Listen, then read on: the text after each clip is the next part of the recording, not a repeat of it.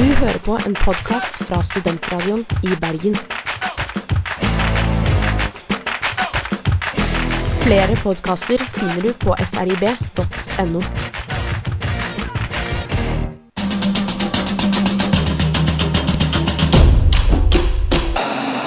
Heia Brann, heia Brann. Blodet tjukkere enn vann, heia Brann.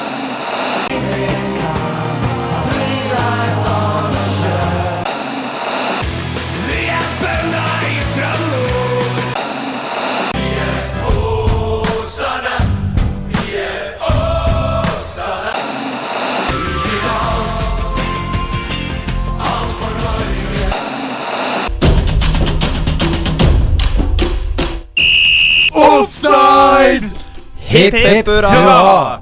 Denne uken så fyller Studentradioen i Bergen 35 år, og i den anledning så skrur Offside klokken tilbake til 1980-tallet.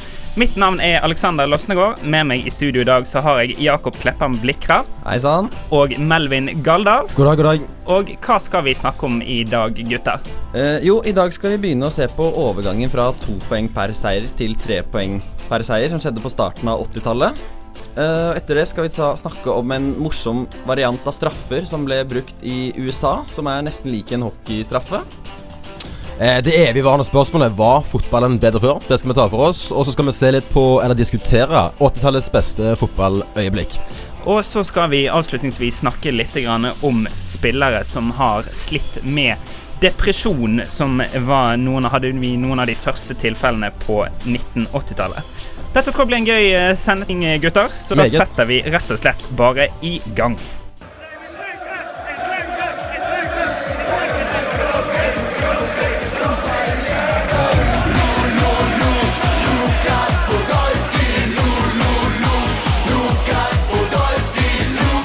Offside.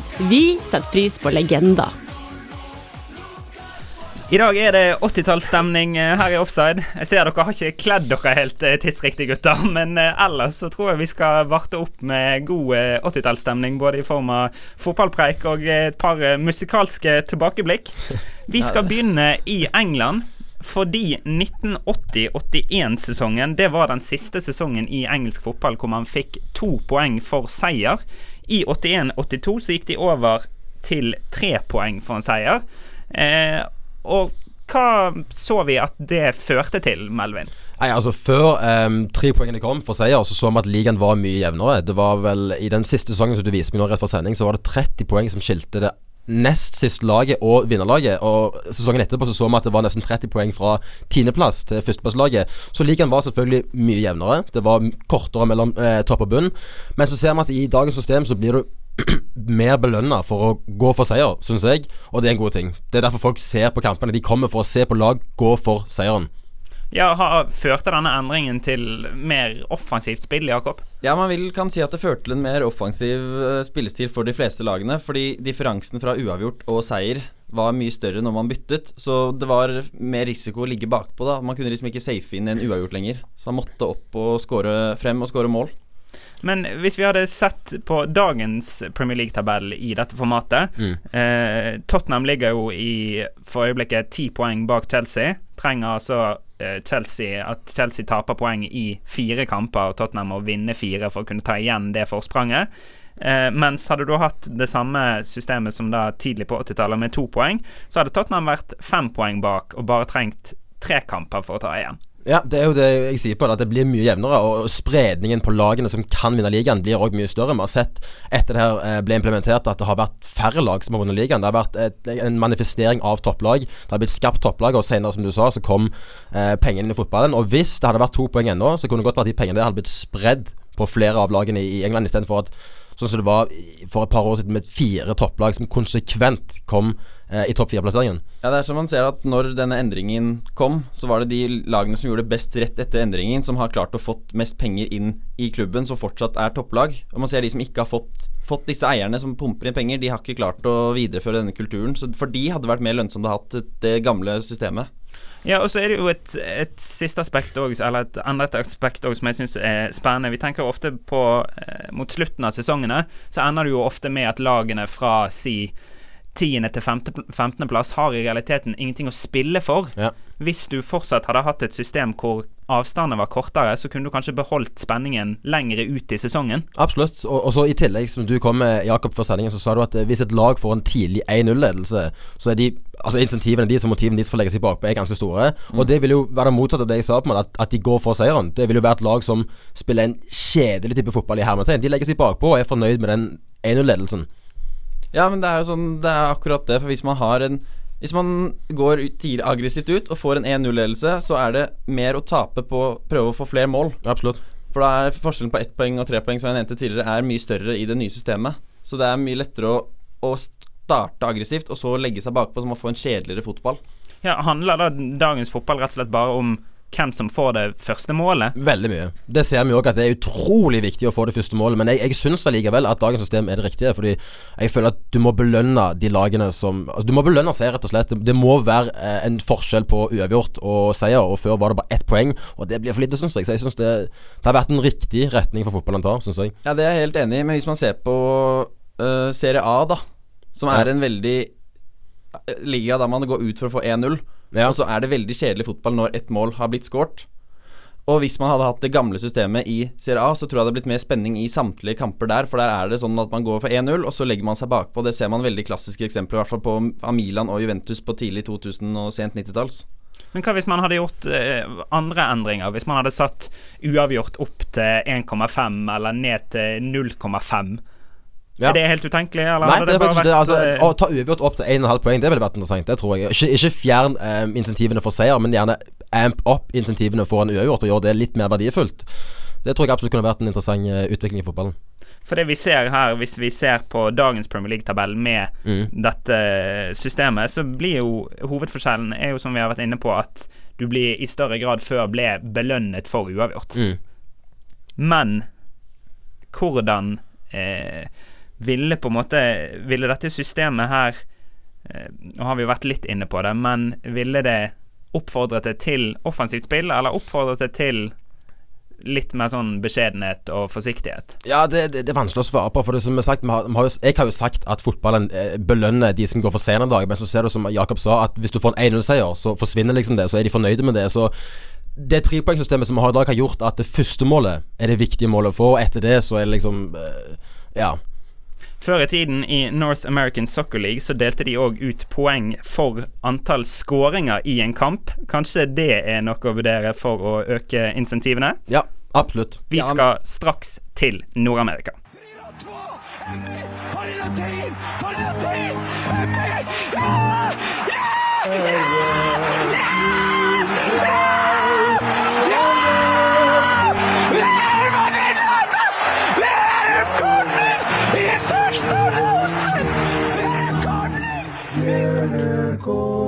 Offside.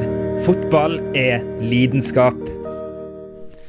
I North American Soccer League så fikk man altså på et tidspunkt seks poeng for seier, ett poeng for seier på straffer, og tre poeng, eller ett poeng per mål i en kamp, opp til tre poeng per kamp.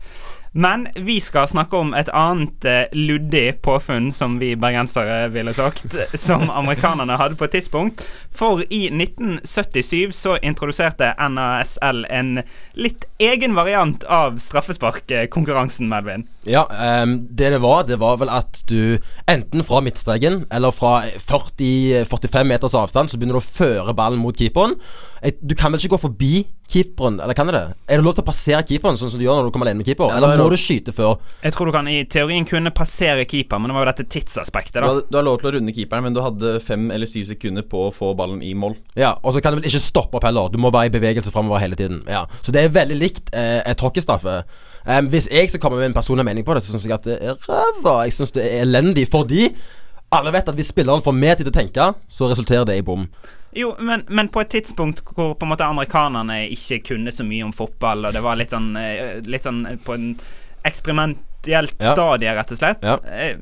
Er ikke dette en måte å tiltrekke seg folk på og skaffe oppmerksomhet? Jo, jeg syns det er utrolig kult å se på, så det, det er det absolutt. en måte Men jeg syns at eh, keeperne får det overhand her, så jeg syns det, det, det blir feil retning å gå nå. Men å se tilbake på det litt sånn nostalgisk, så er det veldig, veldig kult å se på. Men man får jo testet keepernes og spillernes ferdigheter bedre i et sånt system. For det er vanskeligere å score når du kommer alene mot keeperen enn på en straffe. Og det er enklere for keeperen å vise hva han, hva han kan. Så det blir, jo, det blir jo mer underholdende, og man får vist mye flere av sine sterke sider da i en straffekonk enn Ja. det man gjør nå.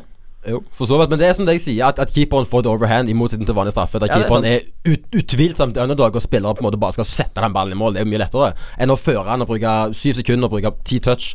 Ja. Så, så sniker det seg litt sånn tanker i hodet. Hva skal jeg gjøre? Skal jeg gå forbi han? Skal jeg skyte? Skal jeg chippe han? Sant? Da, da bommer du fort. Ja, men Blir ikke det da litt jevnere, litt mer rettferdig? I dag så er det jo gjerne Ja, ja, nå ser vi jo fryktelig mye dårlige straffer overalt hele tiden. Akkurat det jeg mener. Men altså, i, i, i en ideell straffesparkkonkurranse, så har du ti straffeskyttere, og så har du én som bommer. I et sånt scenario som dette, så vil jeg jo anta at du ville fått flere bommer, og gjerne kunne holdt på spenningen lengre. Ja, Det ville jo blitt jevnere mellom keeper og mellom utespiller, så det ville jo vært mer rettferdig, kanskje. Men som du sier, så ser vi at straffene ikke er veldig, rettferdige. Altså Spillerne går fram der og er pissnervøse og bommer ganske ofte av gangene de får sjansen. Men så mener jeg altså at hvis man har det der eh, hockeystraffesystemet, så er det ikke den Da går det ikke mest på psyken til de som skyter. Da går det best på de som er, har ferdighetene én mot én mot keeper. Så da blir det litt annet oppsett på det hele også. Så det hadde jo, Jo. jeg mener det hadde blitt morsommere å sett på Har du ikke likt å sette eh, Ragnar Klavan mot eh, Tibor Courtois i en eh, hockeystraffeduell? Jo, absolutt, men, men for å ta det du sier der, jeg er uenig med deg. For jeg mener at den som er best alene med keeper, er den som er kaldest psykisk. Det har ingenting å si hvor god ferdighet du har. Jeg mener at det er kun hodet som gjør det. Hvis du sniker seg inn en, en tanke og en tvil om hva du skal gjøre, så bommer du. Men de som holder seg kalde, som, som måltyvene ofte gjør, de setter han.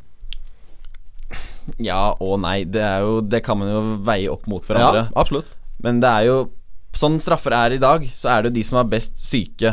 Da Ja. har du veldig lite på noe, an noe annet å si. Du skal klare å treffe ballen og sikte der du skal, men det går på psyken. Men der så går det like mye på avslutningsferdigheter og, Ja. og teknikk. Men da kan vi si at det, det er flere spillere som ville vært i stand til å ta den type straffen enn det er spillere som er i stand til å ta straffen i dag. Ja, For det er bare å skyte et skudd, mens før så måtte du ha litt ferdighet, som du sier. Du måtte føre ballen og Ja, jeg mener at det var øh, At man måtte være bedre til å ta straffer i USA, da, når de hadde det systemet. Det er mulig. Jeg kan, jeg kan legge meg på den linjen der. Det kan Men jeg absolutt. Men spørsmålet blir jo da hva foretrekker man? Foretrekker man at straffesparkkonkurransene ligger nærmere selve rene fotballkampen og kampsituasjonen, eller liker man det at det kommer inn dette psykologiske aspektet? Altså alle, vi tre òg kunne jo potensielt tatt en straffe inn Champions League-finale. Vi Ja. klarer å legge ballen på 11 meter og gå Ja. frem og så skyte i et av hjørnene. Men å tenke på at det står 90 000 rundt deg på Wembley, eller hvor det måtte være, og halvparten av de i hvert fall håper at akkurat du setter den straffen i mål, det gir jo en helt annen dimensjon som man gjerne som spiller underveis ikke kjenner like mye på. Absolutt. Det er veldig bra spørsmål du sier der, på en måte om, om vi skal For jeg syns at straffene vi har i dag, skiller seg veldig ut fra fotballspillet og spillet ellers. Det er liksom noe helt annet. Vi får et helt annet fenomen. Det er liksom Han står der for 11 meter og skal skyte en straffe, mens den situasjonen med de gamle straffene, det er litt mer likt en situasjon som kan oppstå ellers i en fotballkamp. Så jeg Ja, du synes- får en én mot én mot keeper. Det, Ja, er jo, det skjer ellers. Ja, så Men det vil- blir jo det. Men ville dette her f.eks. da ha ført til at eh, I dag ser vi jo gjerne det at ekstraomganger blir ekstremt daffe fordi lag går og venter på På straffe. straffesparkkonkurranse. Kunne dette ført til at lag hadde kanskje i større grad hadde prøvd å avgjøre en kamp i ekstraomgangene? Ja, det har du. Veldig sant. det er, den er jeg også enig i. Det er utrolig mange aspekter i den greia her, og det er liksom pros and cons med alt. Så du må, som du sier, du må veie det opp mot hverandre og se hva du kommer, kommer opp med til slutt. Den gjør kanskje ikke noen retur, denne straffesparkvarianten, i eh, nærmeste tid i hvert fall, men det var i hvert fall et eh, artig eksperiment.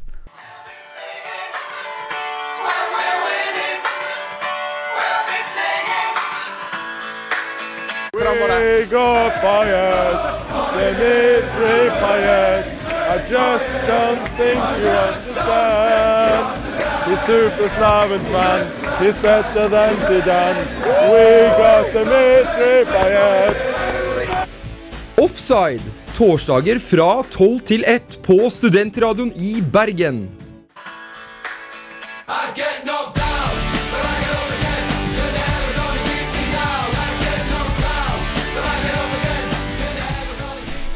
Mitt navn er Alexander. Du hører på Offsides jubileumssending i anledning at Studentradioen i Bergen fyller 35 år denne uken.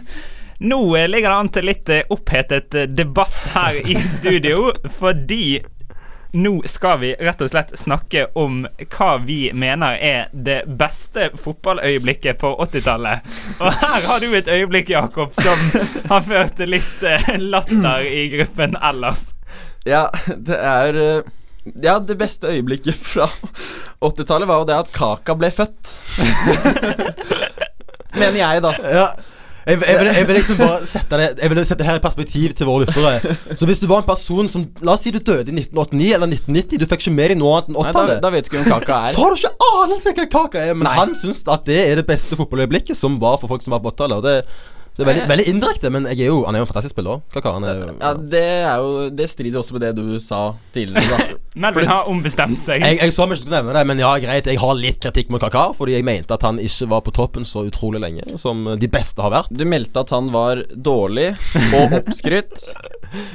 Men han har vunnet Champions League og VM. Men, men hvor kommer denne kakakjærligheten fra, Jakob? Nei, den, den Det er litt vanskelig å si, men jeg likte han når han spilte i Milan. Og jeg likte han i Madrid. Så da har det liksom bare bygget seg opp at jeg, jeg liker han, fordi det er veldig mange andre som ikke liker han, egentlig. Mitt absolutte kaka-høydepunkt Det er jo denne semifinalen i Champions League er det vel, mot United på Old Trafford, hvor han nikker ballen mellom eh, Gabriel Heinze og Patrice Evra, som hopper i hverandre Ja, og detter over henne, før han bare plasserer ballen nydelig forbi Edvin van der Sar i United-buret. Ja, det, det, akkurat det øyeblikket der viser jo hvorfor han var 80-tallets høydepunkt i fotballen. Nei, Det var en bisarr bra prestasjon. jeg må si at eh, Som Liverpool-supporter satte jeg pris på at han smadra United og eh, slo oss i finalen eh, kampen etterpå, så det var jo fint. Men uh Men, Ja. men du, Melvin, har plukket deg ut en mann som kanskje litt flere forbinder med 80-tallet. ja, litt mer forståelig og litt mer rett fram Med øyeblikk. Men ja, selvfølgelig Diego Maradona, Maradona beklager, um, sin kamp mot England i 1986 i VM i Mexico.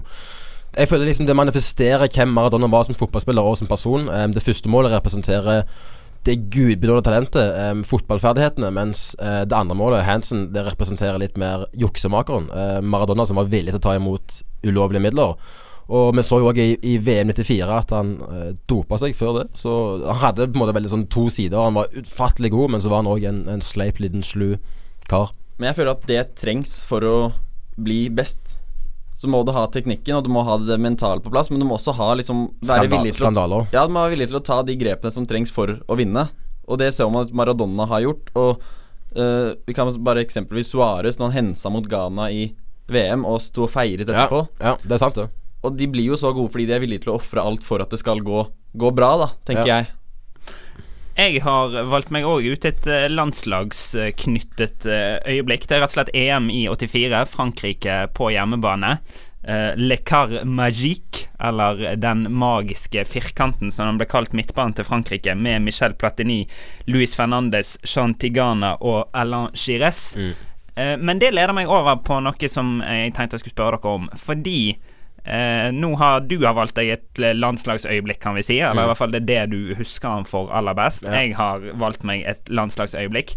Hadde landslagsfotballen en mye større standing før i tiden, f.eks. på 80-tallet, enn det han har i dag? Eh, jeg vil si Jeg vil si ja på en måte, men det er fordi klubbfotballen var ikke like stor før som den er nå, så da var liksom landslaget det, det største man hadde. Men jeg tror landslaget har like stor betydning nå, men klubbfotballen har bare vokst så enormt mye i de siste årene. Ja, det er veldig well put. Jeg kunne ikke sagt det bedre sjøl. At fotballen, eller klubbfotballen har fått så mye penger at de har fått litt sånn makt over landslagene. på en måte Når, når du ser at Klopp blir forbanna på England og Lallana blir skada, liksom, fordi det er faktisk de som betaler lønnen hans. Så det, det er nok at eh, klubbfotballen har vokst seg større og fått eh, mer makt, rett og slett. Men eh, VM å vinne VM er jo fortsatt det største innenfor fotballen. Det er jo, det er jo ikke en turnering som er større enn VM, Nei. så det betyr fortsatt veldig mye. Men det hadde kanskje en litt higher standing for 30 år siden, det vil jeg si. Men eh, vi må jo avgjøre dette her. Hva var det største fotballøyeblikket på 80-tallet? Var det Frankrikes seier i 84? Var det Kakas at Kaka ble født? Eller var det Diego Maradona? Nei, Jeg stemmer jo selvfølgelig for Madonna. Men Altså, Hvis du går ut på gata og spør folk eh, om hvilket som er mest kjent, hvilket som er mest måte, legendarisk Da er jeg den ene som sier Kakas fødsel, ja. Ja, men jeg, jeg vil si at åtte av ti vil si at Maradona sitt av disse tre var, var det største. Så. ja de, av disse tre vil jeg også være enig i at uh, Maradona var det største da. Med unntak av Kakas fødsel. Ja. Prestasjonen til Maradona er likevel større enn det Kaka noen gang har gått til å gjøre senere på 2000-tallet, mener, mener jeg. ja, det er enig. Ja. Ja, det, det trenger vi vel ikke å være så, så veldig uenige. Vi skal straks bevege oss videre, og da skal vi rett og slett spørre oss det evigvarende spørsmålet som de nostalgik nostalgikerne vi er denne uken. Var fotballen bedre før i tiden?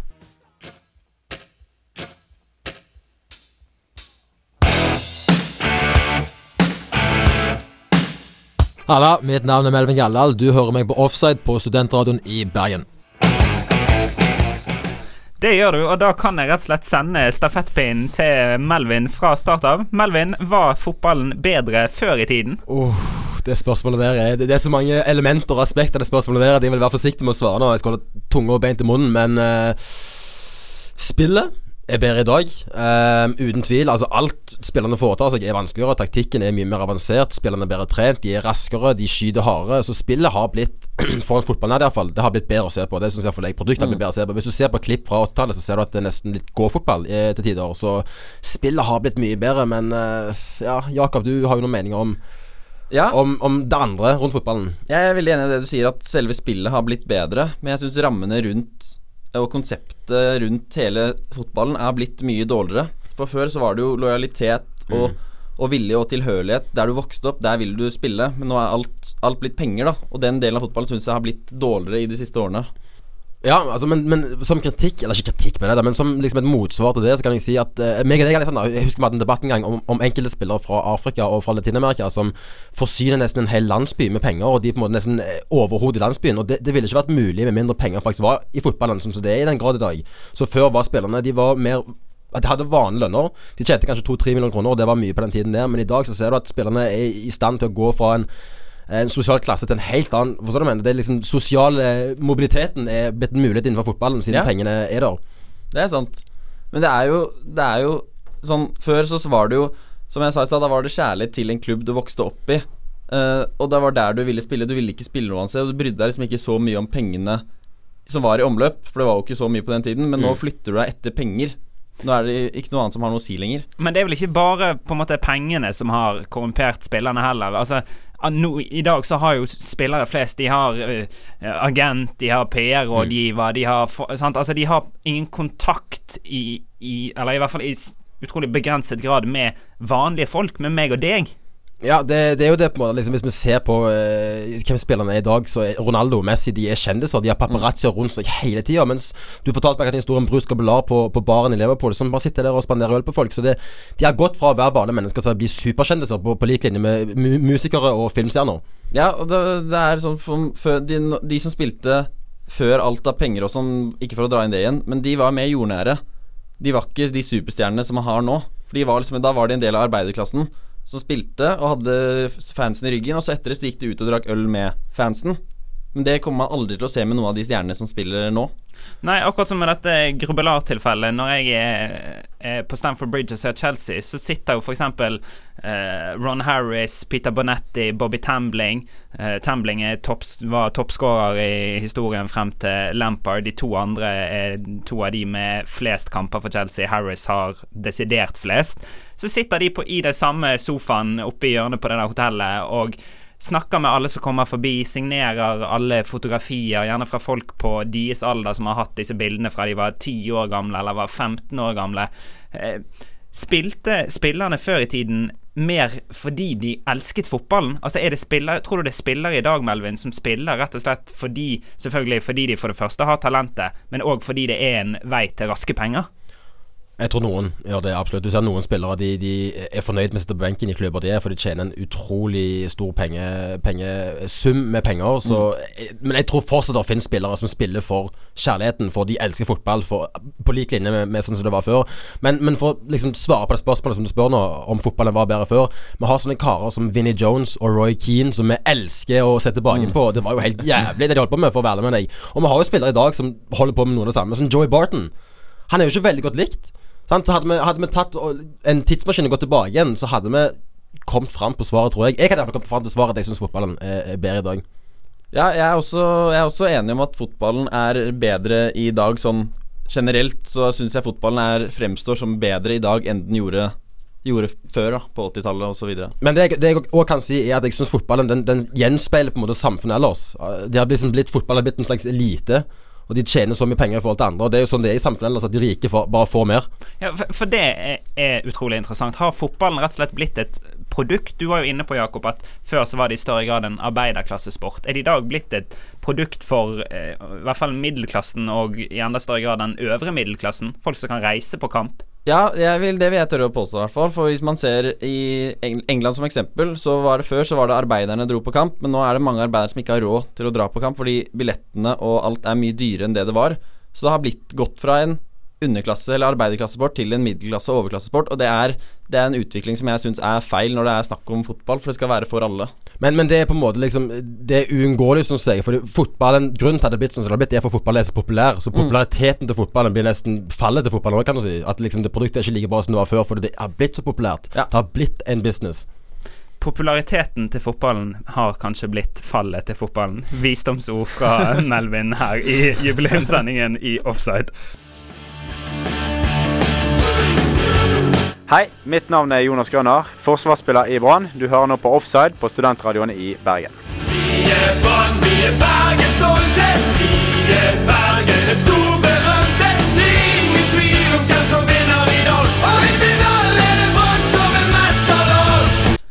En av ulempene, kanskje, med den store oppmerksomheten som fotballspillere og trenere i dag må leve med, det er at det kan føre til ulike utfordringer i livet, deriblant psykiske problemer.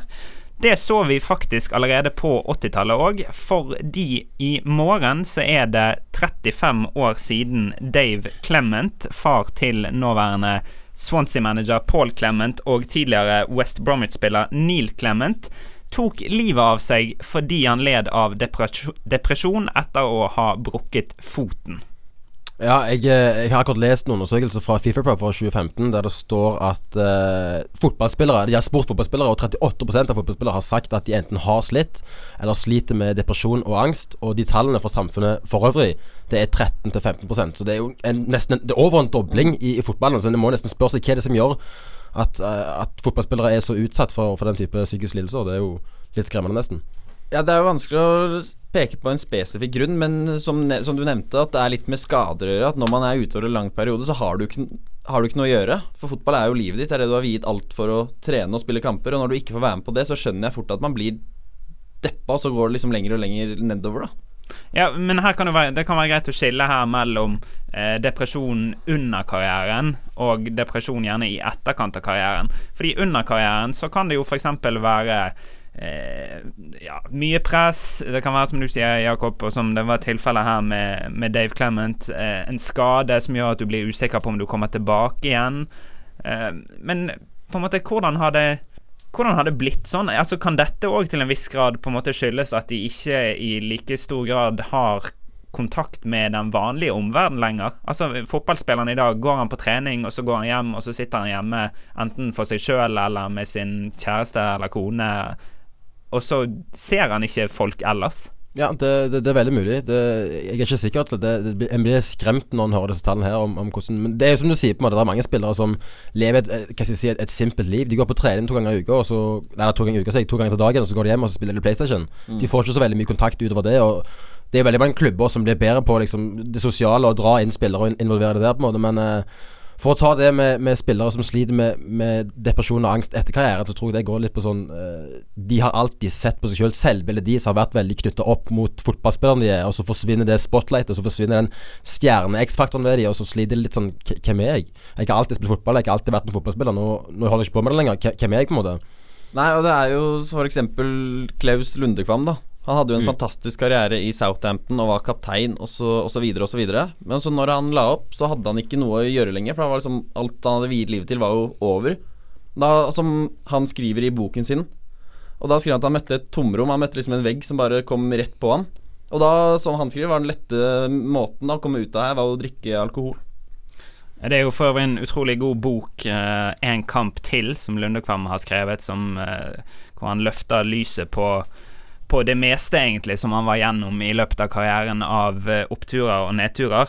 Men eh, når man blir deprimert i etterkant av karrieren, så er det jo gjerne, som dere er inne på her, dette med at denne bekreftelsen på en måte som du har fått uke ut, uke inn ved å løpe ut foran x antall tusenvis av hjemmesupportere eller bortesupportere og få den jubelen og den rusen, rett og slett, som Jo Lundekvam beskriver det som i, i sin bok. Men hvordan kan man på en måte motvirke at sånt som dette skjer? Altså Du er jo inne på Melvin, med at eh, fotballen er knyttet veldig opp til Altså Det er på en måte identiteten deres. Mm. Eh, kan f.eks. noe sånt som eh, at fotballspillere tar utdanning underveis i karrieren, får tilbud om sånne ting, kan det gjøre at de blir tryggere på at de òg har en tilværelse etter fotballen? Absolutt. absolutt Og du ser jo de, de fotballspillerne som har tatt en Hva skal jeg kalle det, en, en type fotballutdannelse, som à la Jørgen Klopp, som var en spiller og går på trenersiden, han får ikke den type problem. For han får en slags en, en, det, en ny identitet, og det er at han er trener. Men han involverer seg fortsatt i fotballen, og han har mening med livet sitt. Jeg tror det er det viktigste for fotballspillere, at de har et eller annet med mening de kan holde på med etterpå. Og da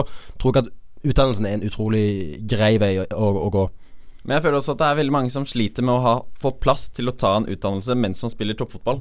For det tar jo veldig mye tid, og det er jo ikke alle som har mulighet til å ta det mens du spiller proft. Sånn som i Norge har man, har man muligheter til det, men du har ikke det hvis du spiller i de beste ligaene. Ja, Brede Hangla fra Stavanger Han klarte faktisk å ta en økonomiutdannelse i London mens han spilte for Fulham. Så hvis du prioriterer, så er det mulig. på en måte Men fotballspillere er jo- er selvfølgelig forskjellige. Intelligentnivå er jo forskjellig på dem, men eh, det er mulig hvis du prioriterer det. Det, synes jeg Ja, det, er. ja, selvfølgelig Muligheten er jo der, men så, jeg tror det er veldig mange som tenker at de ikke trenger utdanning, for de tjener nok av penger til å leve et godt liv, og så tenker de at når man er ferdig med fotballkarrieren, så kan man nyte en, en pensjonisttilværelse, da, på et vis. Men så Ja. Da har du jo ingen å være sammen med, for alle andre spiller jo fortsatt fotball, som antageligvis er yngre enn deg. Men, men må klubbene være med her og ta litt ansvar og altså, sørge for å tilrettelegge så spillere kan få tatt utdanning? Kanskje være obs på eh, håper å si, Gjøre spillerne oppmerksom på, i den grad det er nødvendig, at det kommer et liv etter fotballen òg. At de kanskje skal ha en, ha en plan for senere. Og er ikke det at så mange av de går videre i fotballen som eksperter, som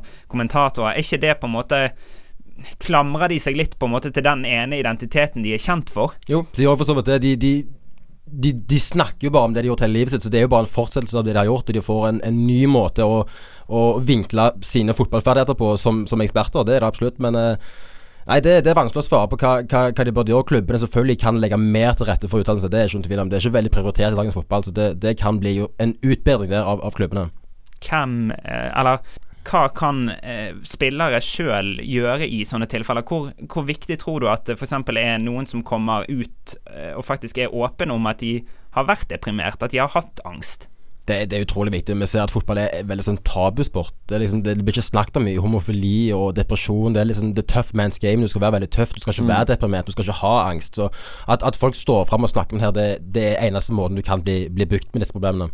Ronny, Ronny Deiler Vålerenga-treneren, sa det vel best ganske nylig. Han sa det at denne machokulturen i fotballen, det er bare tull. Ja.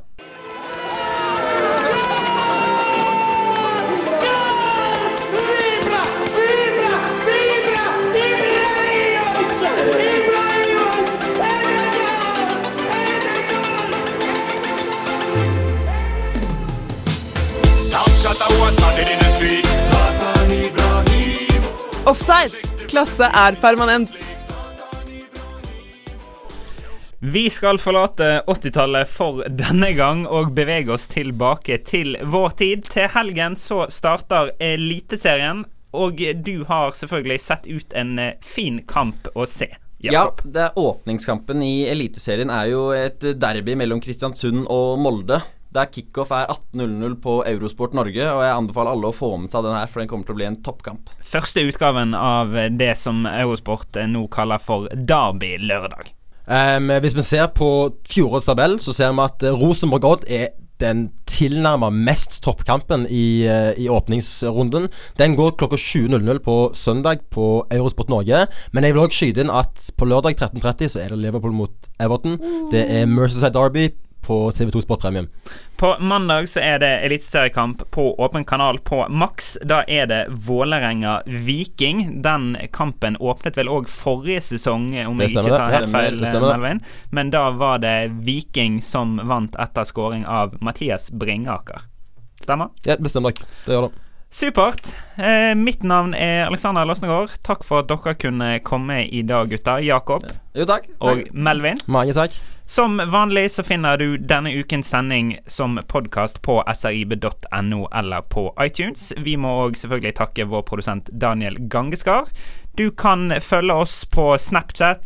Nei, det kan du heller ikke. Nei, ikke, ikke ennå. Det, det var disse sosiale mediene. Du kan følge oss på Facebook, på Instagram, på Soundcloud, på Twitter. Så nesten på alle sosiale, sosiale medier du bruker. Og så er vi tilbake i eh, 2017-form neste uke. Du hører på en podkast fra Studentradioen i Bergen. Flere podkaster finner du på srib.no.